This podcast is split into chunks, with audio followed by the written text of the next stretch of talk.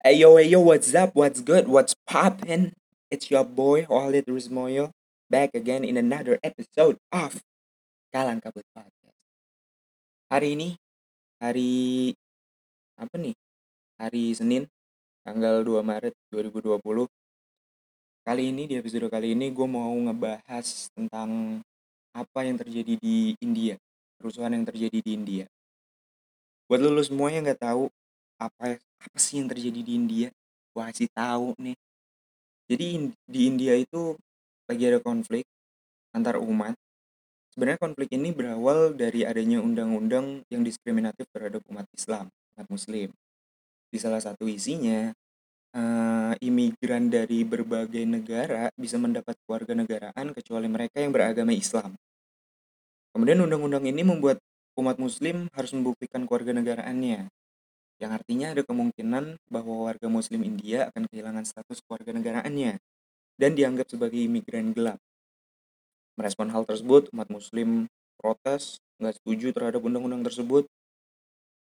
Kemudian saat terjadi protes, eh, ada kaum mayoritas ekstremis nih, which is eh, umat Hindu, eh, nggak suka terhadap protes yang dilakukan umat Muslim. Kemudian terjadi kerusuhan. Kerusuhan pun meru- meluas gitu, Mere- meluas sampai orang-orang yang orang-orang Muslim yang nggak ikut protes tapi pakai atribut peci, gamis, sarung. Bapak-bapak lagi ngopi sarungan, ikut dikeroyokin sama eh, apa mayoritas ekstremis. Menanggapi hal tersebut menurut gua, ini kacamata gua pribadi ya. Menurut gua warga di India itu lupa akan jati diri bangsanya, men. Bahwa bangsanya itu dibangun atau apa ya? Bangsanya ini tuh merdeka bersama-sama gitu. India itu meraih kemerdekaan bersama-sama, gak cuman mayoritas yang yang artinya umat Hindu doang, tapi umat Muslim juga berperan. Menurut gue orang orang-orang India ini lupa sama apa yang udah diperjuangin sama Mahatma Gandhi. Buat lu semua yang nggak tahu Mahatma Gandhi siapa, gue akan kasih- tahu lu siapa itu Mahatma Gandhi. Jadi Mahatma Gandhi itu adalah kalau di Indonesia kayak Insinyur Soekarno, bapak proklamator kita. Di India, Mahatma Gandhi yang berperan paling besar terhadap kemerdekaan di India. Cara Mahatma Gandhi untuk menumpas penjajah Inggris waktu itu adalah dengan tidak melakukan kekerasan sama sekali. Cara Mahatma Gandhi adalah dengan eh, Mahatma Gandhi beserta yang lainnya gitu berbaris, kemudian menghampiri para penjajah Inggris, kemudian masang badannya gitu, masang badan, nah, habis itu ditumbuk tuh sama penjajah Inggris, tumbuk, ditumbuk, bonyok, kemudian diobatin, kemudian di, setelah diobatin diganti oleh barisan yang baru dan yang diobatin tadi itu masuk ke barisan lagi. Dan apa pola tersebut dilakukan secara berulang-ulang. Sampai akhirnya ada beberapa orang yang nanya eh Mahatma Gandhi ini cara lu bener apa kagak sih? Ini kita bonyok sumpah. Kagak bohong gua. Terus Mahatma Gandhi dengan santainya kayak "Nah, iya ini cara kita menumpas penjajahan Inggris. Gua nggak mau melakukan kekerasan. Karena kekerasan bukan nggak ada di agama gua gokil ya sampai akhirnya kejadian tersebut diliput sama PBB diliput sama PBB kemudian banyak negara nggak setuju dengan apa yang dilakukan sama Inggris karena sangat amat tidak manusiawi. Manusia tidak manusiawi. Kemudian akhirnya PBB eh, menarik mundur Inggris dari India. Dan akhirnya India pun merdeka. Setelah merdeka masalah nggak kelar tuh. Setelah merdeka di India malah terjadi konflik antar umat. Umat mayoritas yang berarti umat Hindu dengan minoritas umat Muslim. Setelah kemerdekaan malah terjadi konflik.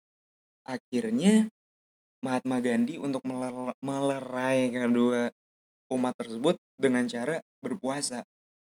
Dia berpikiran kayak kita baru aja merdeka ya kita baru aja berjuang bareng-bareng, kita baru aja merebut, eee, kemerdekaan India ini bersama-sama gitu ya, umat Hindu ada, umat Muslim ada. Cuman kok ketika kita merdeka, kok lu lu lu, lu pada malah malah konflik. Bodo amat gue nggak mau makan, gue nggak mau minum sampai lu semua maaf-maafan. Mahatma Gandhi seperti itu. Mahatma itu hal yang dilakukan Mahatma Gandhi ketika melihat konflik antar umat ini. Cuman nggak digubris tuh sama umat Hindu maupun umat Islam pada saat itu.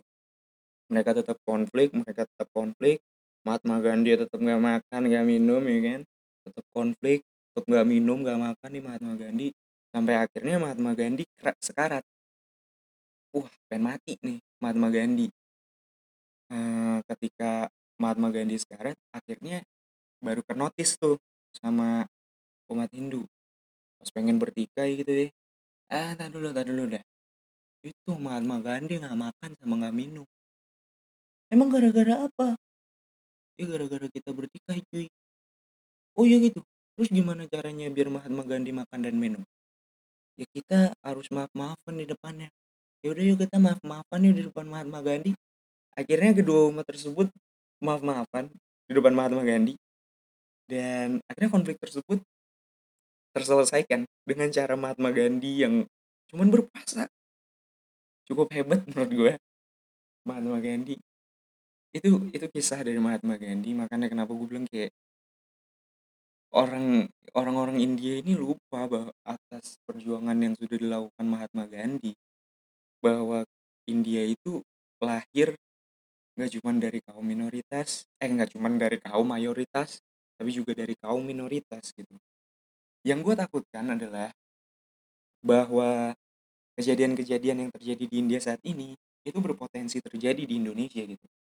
Gue takutnya orang-orang Indonesia lupa akan jati diri bangsanya, bahwa bangsa ini merdeka atas kerja keras dan kerjasama dari berbagai pihak, berbagai suku, berbagai umat, dan akhirnya menyatukan itu semua. Bahkan Indonesia adalah negara kepulauan gitu negara Indonesia adalah kumpulan dari kerajaan-kerajaan zaman dahulu gitu yang akhirnya setuju bahwa untuk menyatukan diri dengan ya akhirnya terlahirlah Indonesia gitu.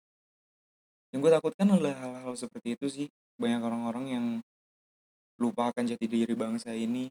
Banyak orang-orang yang masih rasis masih diskriminatif sama yang minoritas.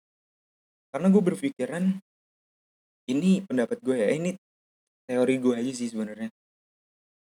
Ketika lu merasa lu mayoritas dan lu merasa benar lu akan mematikan opini-opini yang lain dari minoritas yang menurut lu salah.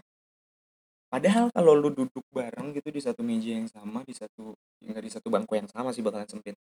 Uh, di satu meja yang sama lu ngomongin terhadap sesuatu hal yang eh gue nggak setuju nih kalau kayak gini nih. Ya lu nggak setuju nya kenapa? Apa segala macam dan dirembukin gitu ya sila keempat kita musyawarah mufakat. Sebenarnya bisa dengan hal seperti itu.